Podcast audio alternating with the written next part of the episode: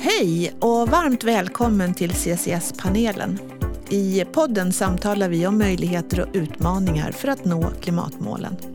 Genom dialog vill vi bidra till nya tankar och initiativ för hur vi tillsammans kan arbeta för ett hållbart och välmående samhälle.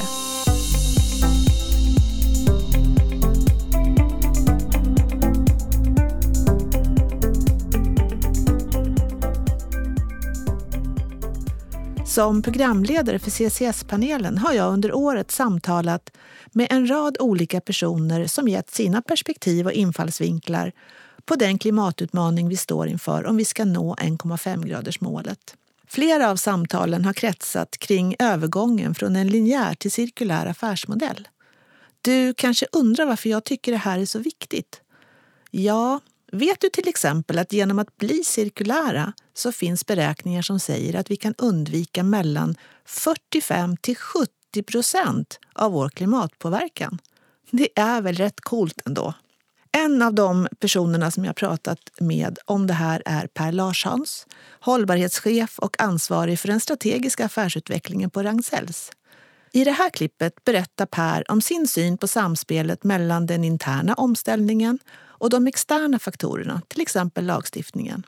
Du får också lyssna till flera exempel på initiativ som pågår med fokus på affärsutveckling inom ramen för klimatneutralitet. Vill du lyssna på hela avsnittet där Per också berättar om sin erfarenhet av att utveckla en hel företagskultur mot ökat samarbetsfokus, då är det avsnitt 40 du ska lyssna på. Men eh, här kommer klippet med Per. Ja, kruxet då med cirkulär ekonomi eller den transformationen är att den sker inte bara internt utan den sker också ute i samhället. Och man behöver ha rätt regelverk på plats. Man behöver hitta rätt partners som också inser att jag behöver ta mina resurser på nya ställen. Eh, där är ju Tarkett ett lysande exempel. Eh, Tarkett är ju då en golvtillverkare som haft en linjär princip men idag är helt dedikerade till att ta cirkulärt. De vill till och med få tillbaka sina gamla mattor och tillverka nya mattor. Men de är partner just i projektet i Estland. Eh, och då är det plötsligt innovation som sker mellan företagen och där samhället blir en tredje part. Eh, så att, så att eh, övertyga internt tror jag är faktiskt, när vi pratar innovation, Eh, du måste ha grunden för att kunna samarbeta. Men sen är det det här kruxet med hur får man två olika kulturer att mötas, två olika företag att mötas? Eller hur får man företaget och samhället och samhället våga lyssna på oss företag? För historiskt tillbaka har ju politiker livrädd för företag. De vill ju bara tjäna pengar. Ja, fast de företagen de överlever inte. Så, och där tycker jag politiken har verkligen börjat lyssna mycket, mycket mer. Jag har haft förmånen att få vara då, haft förmånen på näringsdepartementet just där, där vi var 20 stycken utvalda att, att komma med råd och idéer. Hur, hur, kan Sverige, med rubriken, hur kan Sverige eh, se till att vi år 2045, att industrin är fossilfri? Eh, det var rubriken. Och med fokus på hur kan vi exportera innovationer som vi behöver och hjälpa resten av världen med. Och det var ett intensivt arbete och massor med dokument och idéer som har presenterats. Så det du egentligen säger då, det är att först behöver man göra Först behöver man skapa en samarbetskultur internt. Och sen behöver man lyfta blicken för att se vilka eller vem behöver jag kroka arm med för att gå samhällsutmaningen till mötes. Ja, och det, det, man får inte fastna för länge internt för att då ser du inte affärsnyttan. Utan du måste liksom börja internt för att bygga basen så att du har, här, så har du chefer som, som förstår det här och kan leda vägen internt. Men sen måste du snabbt börja jobba i det externa. Så tänk ett gummiband som man sträcker ut lite grann. Först har man byggt basen och sen kan man sträcka gummibandet, utmana lite grann så att organisationen måste hänga på. Så måste man snabbt sträcka gummibandet igen. Så att, för att det hela tiden handlar om utveckling.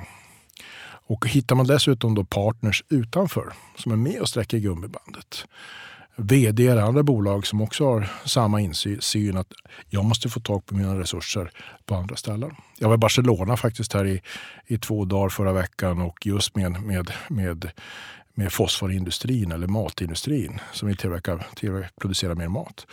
Och de har tidigare bara tänkt linjärt.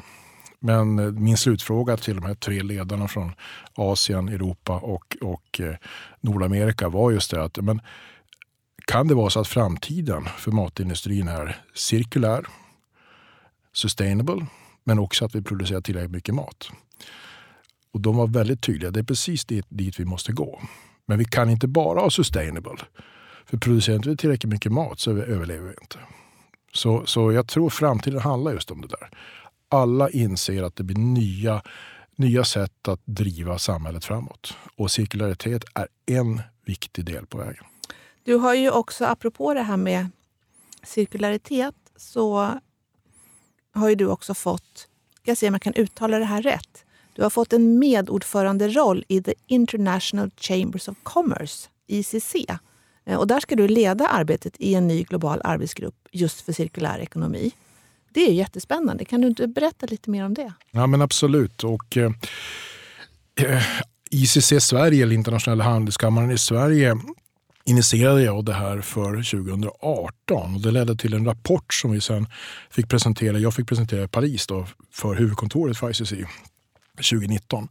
Vilket ledde sin tur till att jag varit inbjuden till WTO och ledde en delegation bestående av Ericsson, nej det var uh, Ikea, Skanska, Stora Enso.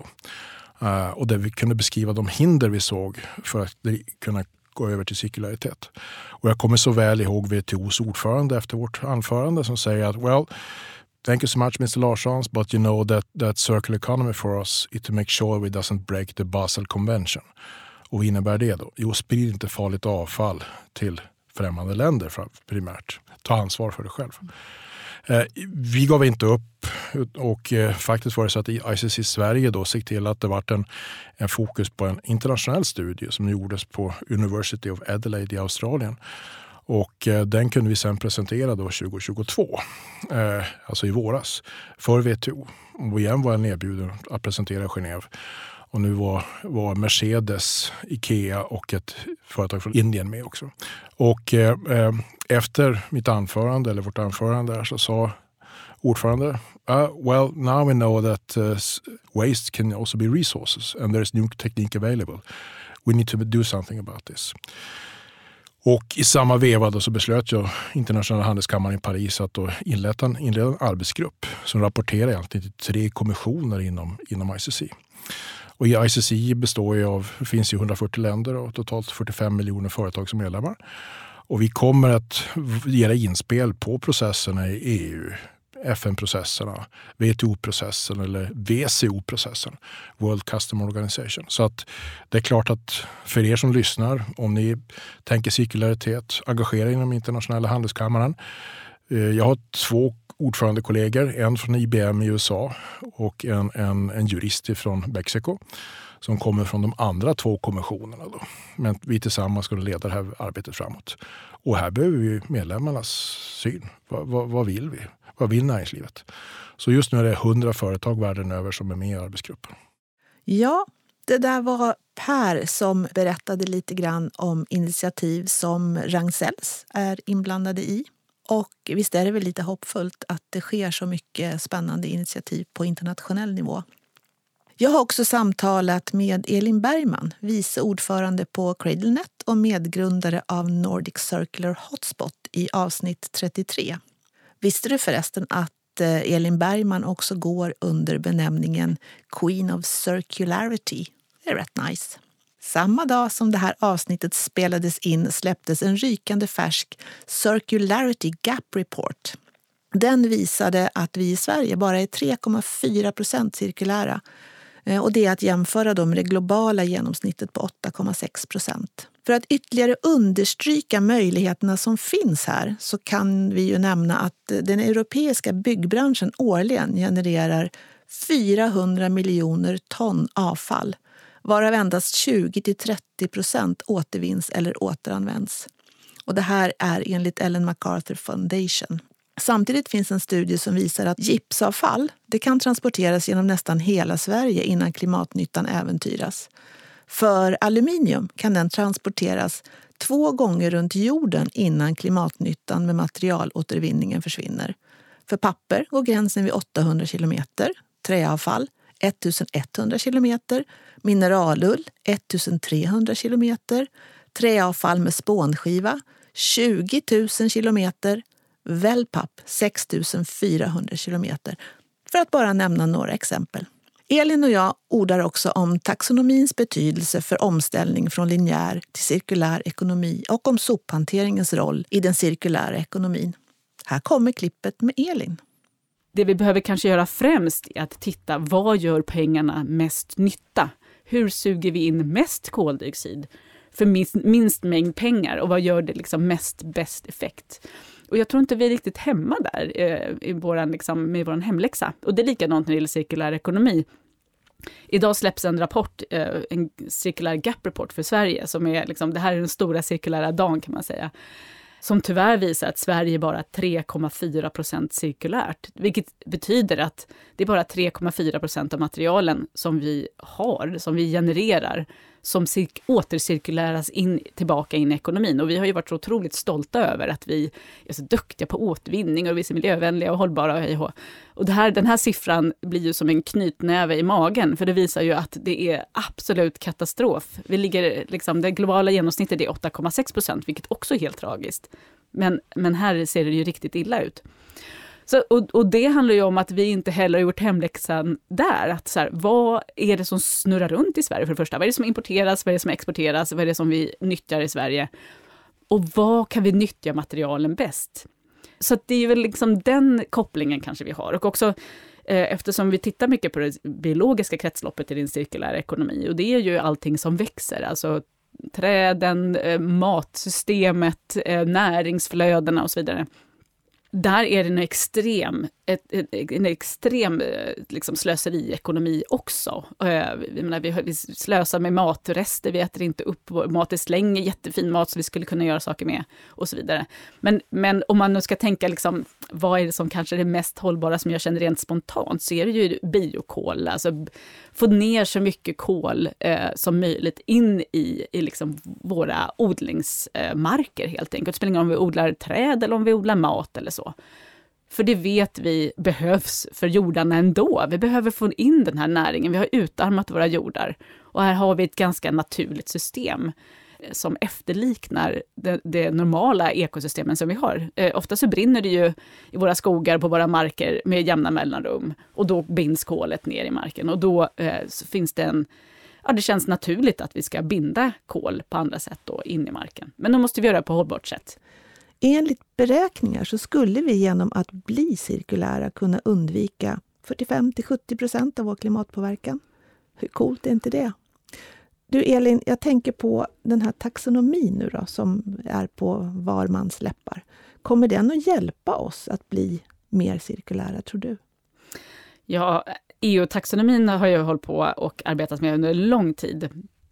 Eh, och det den gör är att, eh, det är ju ett jättestort projekt inom EU kan man säga, eller vet inte om man ska kalla det för projekt, men liksom ett initiativ på EU-nivå. Eh, som handlar om att vi ska försöka få våra pengar, det är liksom hela finansiella sektorn, att, att gå åt rätt riktning, en hållbar riktning och bara investera i det som faktiskt inte släpper ut massa koldioxid eller förstör eh, planeten på andra sätt.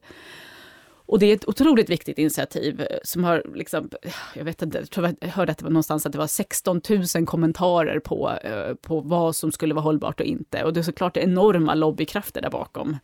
Eh, och bland annat så är det ju då gruvbranschen och, och eh, den branschen som jag kanske tjafsar mest med här i Sverige. Vi, vi har ju byggt upp mycket av vårt energisystem och våra, eh, vad vi kallar för sophanteringssystem på att vi bränner sopor och vi importerar också sopor, enorma mängder från hela Europa till och med från England som i sig inte är särskilt duktiga på att sortera, vilket jag tycker är märkligt. Ja, och Irland och Nor bara från Norge kommer det 60 000 lastbilar med sopor som vi bränner så stolt här och är så glada för att vi tjänar massa pengar på det. Och så är vi jättestolta över att vi inte har några soptippar här. Eh, men det vi faktiskt har är soptippar men med giftig aska som blir av. Eh, från den här förbränningen. Och den eh, sätter vi sen på tåg och dumpar i gruvor utanför Oslo. Och den här askan är ju faktiskt egentligen full av fin näring. Vi har ju näringsbrist nu på grund av Ukraina-Ryssland-krisen, eh, som vi skulle kunna lägga ut på åkrarna. Eh, det är också fullt av sällsynta jordartsmetaller och annat som vi behöver desperat nu för att göra mobiltelefoner och annan teknik nu när det är komponentbrist från andra delar av, av världen. Och vi, det är så himla tydligt det här hur, hur det liksom linjärt hela vår ekonomi är.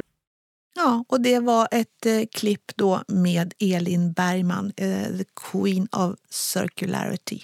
Jag har också pratat med Josefina Salén som är fokusområdesledare och coach för cirkulär omställning på RISE. I det här klippet kan du höra Josefina berätta om vikten av att bygga och vårda relationerna i samarbetet mellan olika roller i företagen för att kunna utveckla nya typer av affärer i den cirkulära ekonomin.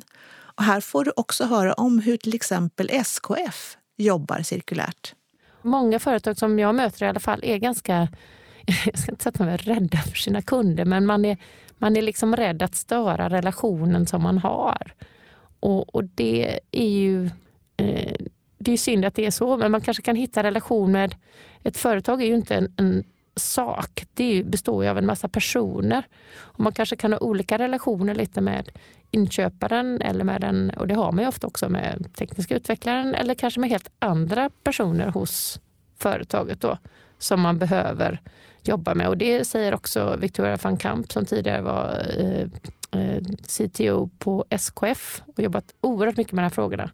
Hon säger att både om man vill jobba med dem och kanske när man vill, eh, när de söker eh, nya alltså att utveckla affären med eh, kunder, så kan man liksom inte snacka eh, säljare, inköpare, utan det kanske är andra personer som måste vara involverade i för att få den här processen att, att förändras. Liksom. Mm. Därför att annars är man inne i precis det som man alltid har gjort och har kanske mål kopplat till det. Både inköpare och, och säljare då har mål som är uppbyggda på hur man gör affärer idag. Och då blir det eh, att komma in och påstå att man ska göra något annat utan att förändra de målen blir ju väldigt kontraproduktivt för de personerna. Kan du ge något konkret exempel just ifrån SKF, hur de har gjort och vad som har varit framgångsrikt? Alltså de gör ju, det som är häftigt tycker jag med SKF är att de gör, jobbar cirkulärt på oerhört många plan och samtidigt så säger de inte åh vi är cirkulära. Eller det är liksom inte grunden eller inte drivkraften utan det är ju för att de ser det här som en möjlighet att göra affärer framåt. Och de har oerhört mycket Eh, använder ju digitalisering och data oerhört mycket för att kunna leverera tjänster eh, kring sina fysiska produkter, kullager och rullager. Och, eh, så att dels så har de, de, de har ju som vision att de ska liksom, mm, rotation som tjänst, att det är det som man, man köper hållbar rotation istället för ett, Eh, ett kullager.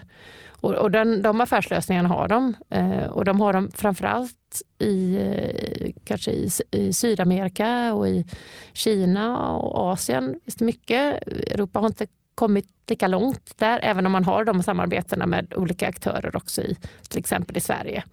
Där man då eh, pengar på att eh, på, eller affären ligger liksom i att produktionen är pålitlig och fungerar när man vill att den ska fungera.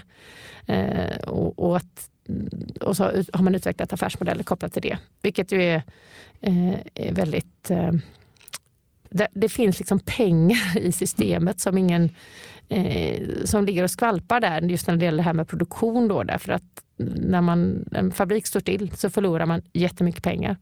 Och, och, kan man adressera det så finns det liksom pengar att hämta både för kanske den som hjälper till att adressera det, i det här fallet kanske SKF då, och för eh, företaget som köper den här tjänsten.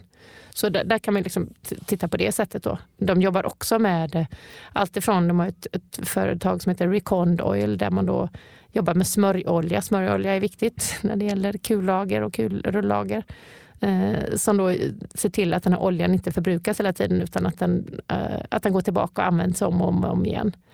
Eh, de jobbar med de har mjukvaruföretag som är oerhört duktiga på just den själva datahanteringen men det gör att de använder AI för att förutse när eh, de förstår verkligen när det kommer att ske någonting med de här kullagren och då kan man liksom i, kontrollerat istället Eh, stanna produktionen, byta ut det som behövs och då kan du också till exempel printa de reservdelar som behövs eh, just specifikt för det behovet istället för att ha stora lager med oerhört mycket olika reservdelar för deras produkter och över, över hela världen. Så att man kan jobba på många olika sätt. De jobbar med eh, till exempel har hjälpt jag tror att det är LKAB, men jag ska inte svära på det. Eh, men de här gruvmalmtåg uppe i Norrland som slits mycket.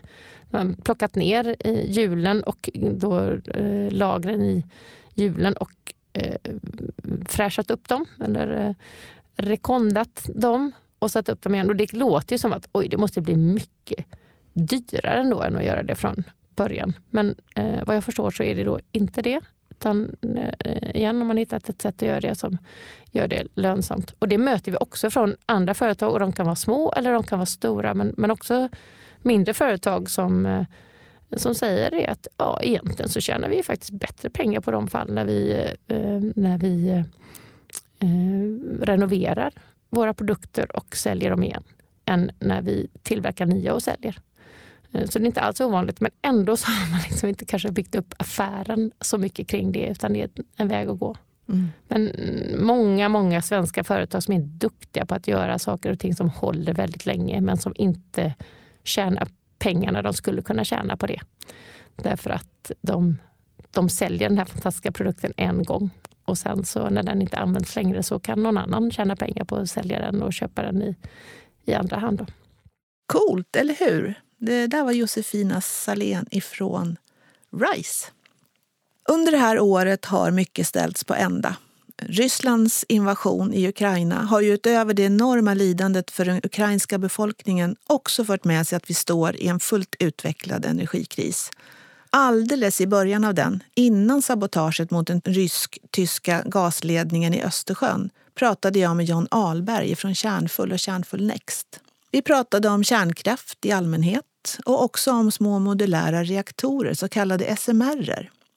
I det här klippet kan du höra om Johns tankar om hur det här skulle kunna omsättas i praktiken och om tidshorisonten från tanke till färdig anläggning. Vill du lyssna till hela avsnittet så är det nummer 31 du ska söka upp. Men här kommer John med Kärnfull Next så är vår affärsmodell helt modellerad utifrån det som har fungerat så himla bra för vindkraftens utbyggnad. Där ser vi just projektutvecklingsbolag, eh, otroligt imponerande sådana som OX2 till exempel, som verkligen eh, gör samma sak som vi kommer göra då med, med eh, småskalig kärnenergi. Man tar projekten, man hittar platserna, man får alla Ehm, tillstånd och mark och miljödomstolar, licensieringen och finansieringen och så kan man även då börja sälja då sådana här pre-purchase agreements, PPR som man pratar om och finansiera upp via det sättet och så skapar man ett specifikt eh, bolag för varje varje reaktor eller reaktorpark om man vill bygga flera då.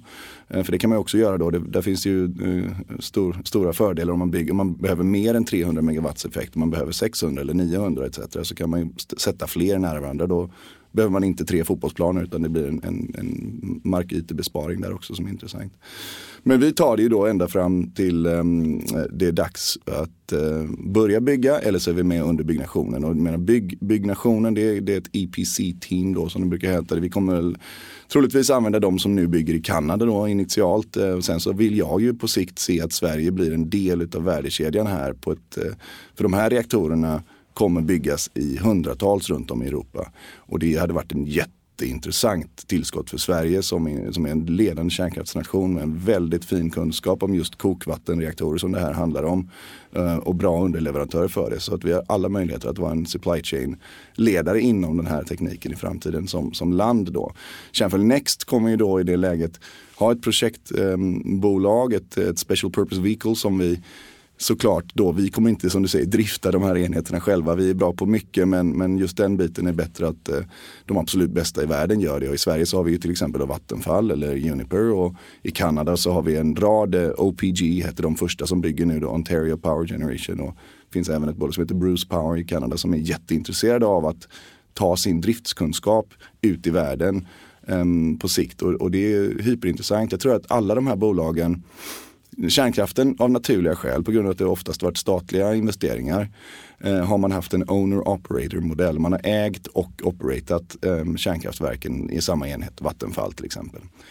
Eh, vi tror att med små modulära reaktorer så kommer det bli mycket mer likt eh, vindkraftsindustrin. Bolaget ägs utav eh, fonder och utav dess eh, olika investerare men det driftas separat av ett bolag som man har ett avtal med då. Ehm, och de är såklart viktiga för oss. Ehm, ehm, och såklart under byggnation då så har man ju också en, en stor mängd. Eh, och vi löser hela den procurement-biten då. Vilka, vilka är bäst? Och där ligger vi jätte, det har varit en rolig första tid här nu när vi har kunnat berätta äntligen då. Efter alla års förberedelser om detta för då kunde vi också lägga ut Eh, vi, vi, behöver ju såklart personal till Champion Next ehm, och vi har fått in, jag tror det är 150 riktigt bra jobbansökningar här på bara några veckor och det är jätteroligt för ett okänt bolag. Och vi ser sån kompetens som finns runt om i Norden framförallt. Så vi tittar ju väldigt mycket på, på eh, både i Sverige och i, i, Finland. Och I Finland har man ju väldigt stor kunskap om ny, ny kärnkraft. Då. Man har precis byggt och öppnat en, en stor reaktor där. Så att vi kommer få ihop ett otroligt bra team, det vet vi nu, eh, för deployment då. Men sen så handlar ju väldigt mycket för oss nu om att göra de här feasibility studies och göra just ekonomiarbetet. Vad innebär det här för bolaget? Precis som du säger, vad innebär det att ni kan redan nu veta hur mycket det kommer kosta 2042 att tillverka vätgas? Så vi gör alla de analyserna och sen så kommer man vidare till ett eh, beslut. Ja, då kopplar vi in rätt eh, team vid det tillfället. Så att det liknar väldigt mycket det här agila arbetssättet som har gjort vindkraftsutbyggnaden så pass, eh, så pass framgångsrik helt enkelt. Jag hör sådana galna uppskattningar ofta i media som gör mig väldigt frustrerad. Det är nästan det som jag blir mest ledsen på. Det står att det ska vara 15 till 20 år bort med ny, nya kärnkraftverk. Eh, absolut inte. Eh, BVRX 300 som sagt med sin existerande nu då supply chain i, i, i USA i, kommer då att bygga den första utav BVRXen i världen eh, på plats i Ontario i Kanada färdig för drift om sex år, 2028 har de sagt. Ehm, och det är väldigt snabbt. Vi vill ju nu, en väldigt viktig del för oss, för att vi har ett antal hinder framför oss då såklart. I Sverige så får du bara bygga um, reaktorer på, på tre platser just nu då. Um, Forsmark, Ringhals och Oskarshamn. Och du får bara bygga fyra stycken reaktorer till. För vi har sex och det står i miljöbalken att man får bygga tio sammanlagt. Det är klart att den är intressant för oss men då måste vi prata med de som äger den marken. Men det är inte där de här stora elintensiva företagen ligger som vi pratar om. Så för att kunna hjälpa dem så behöver vi ha en ändring i miljöbalken. Det är en viktig sak för oss och det, det tror jag ser från politiskt håll att man är beredd att titta på. Det hade varit eh, en, såklart, det låser ju upp marknaden mer även om vi kan börja innan dess. Och det ska man också säga att det här är ju inte ett enbart svenskt företag utan vi tittar ju på Norden framförallt. Var kan man, var kan man hitta möjliga projekt runt om i Norden? Men vi vill, i Sverige har vi ett skriande behov av planerbar energi. Det får vi från myndigheterna varje, varje rapport. Så därför så är vi väldigt måna om att det är Sverige som vi får agera i först och främst. Här har vi också mycket stor kompetens kring detta. Det var John Alberg ifrån Kärnfull, Kärnfull Next. Mot slutet av 2022 fick jag möjlighet att i podden prata med Anders Wikman författare och föreläsare med ett förflutet som bland annat generalsekreterare i Svenska Röda Korset och vice ordförande i FN. Vi talade bland annat om hur viktigt det är att se på hela systemet och också om att våga omfamna den komplexitet som vi står i. Vi talade om engagemang och vilja att bidra och vikten av att vi på internationell nivå nu behöver katalysatorer för att samarbete och förstudier ska bära frukt. Känner du dig manad? Fundera på hur du kan bidra. En av de saker vi landade i är att det behövs en ny berättelse. En berättelse om samarbete och samverkan över gränser. En eh, berättelse som ger styrka, mod och hopp inför den omställning som vi är mitt inne i. Här följer ett klipp med Anders. Eh, I den nya rapport som International Resource Panel håller på att förbereda, den kallas för Global Resources Outlook 2024, den kommer i början på 2024. Där håller vi oss på att titta på efterfrågesidan, inte bara på hur saker och ting produceras och utsläppen och påverkan, utan också vad sker vid användningen och hur möter vi människors behov? Och då kan vi konstatera att vi gör det på ett väldigt ineffektivt sätt. Ta mobilitet i städer till exempel det, det finns ju ingen anledning att varenda hushåll ska ha sin egen bil. Det tar upp mycket plats. De står stilla stor del av tiden så det är dåligt resursutnyttjande och det blir trängsel på gatorna. Om man istället hade mobilpooler, man hade mobilitet som en service, man kunde ringa ett nummer och så, så fick man låna en bil ett, en dag eller två. Eh, man gjorde det enklare och bekvämare att cykla och gå. Man gjorde public transport, alltså kollektiva trafikmedel, ännu mer bekväma. Ja, allt det där hänger ju ihop, hur man designar staden. Då skulle man kunna dra ner utsläppen väsentligt mm. och man skulle också kunna hjälpa den här ensamstående mamman i Rågsved. Så att det finns ju ganska mycket lösningar på kort och medellång sikt som man, man, kan ta till. Men sen är det klart att, att på marginalen så måste vi nog tänka oss en, en omfördelning.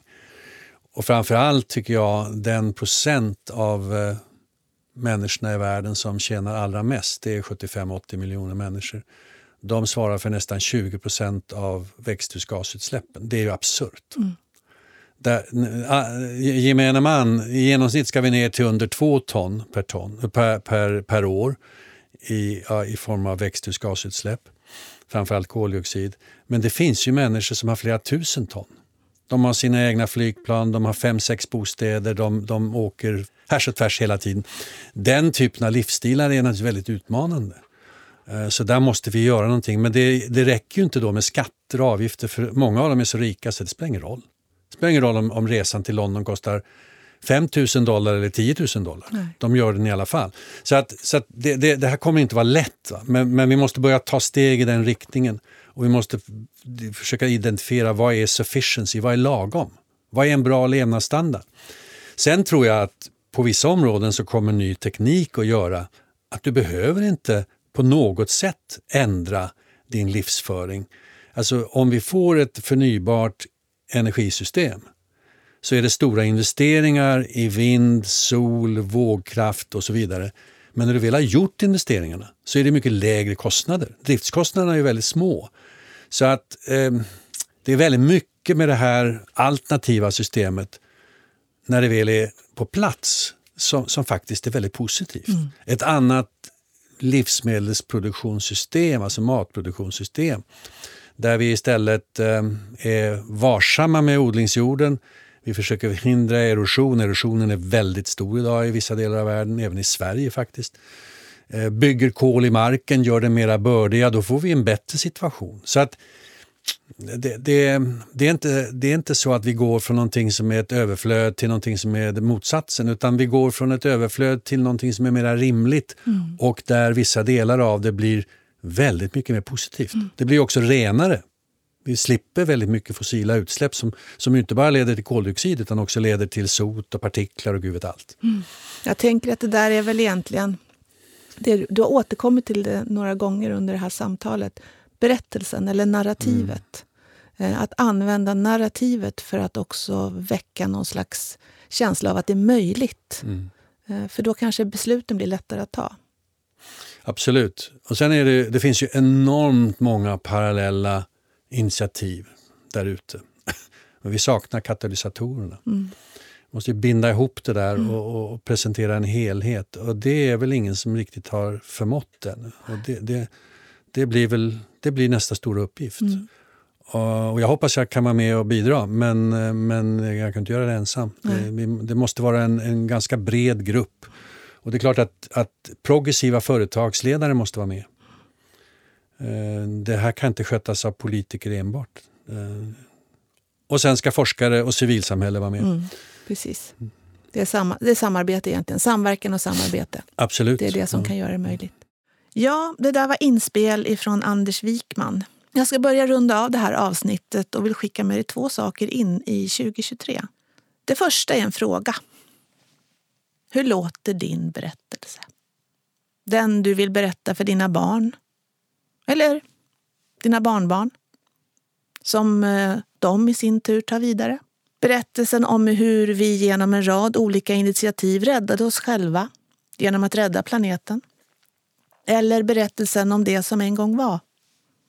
Det som en gång var en blomstrande planet med skogar, sjöar, älvar och ett rikt djurliv. Hur vill du berätta om din egen roll i historien?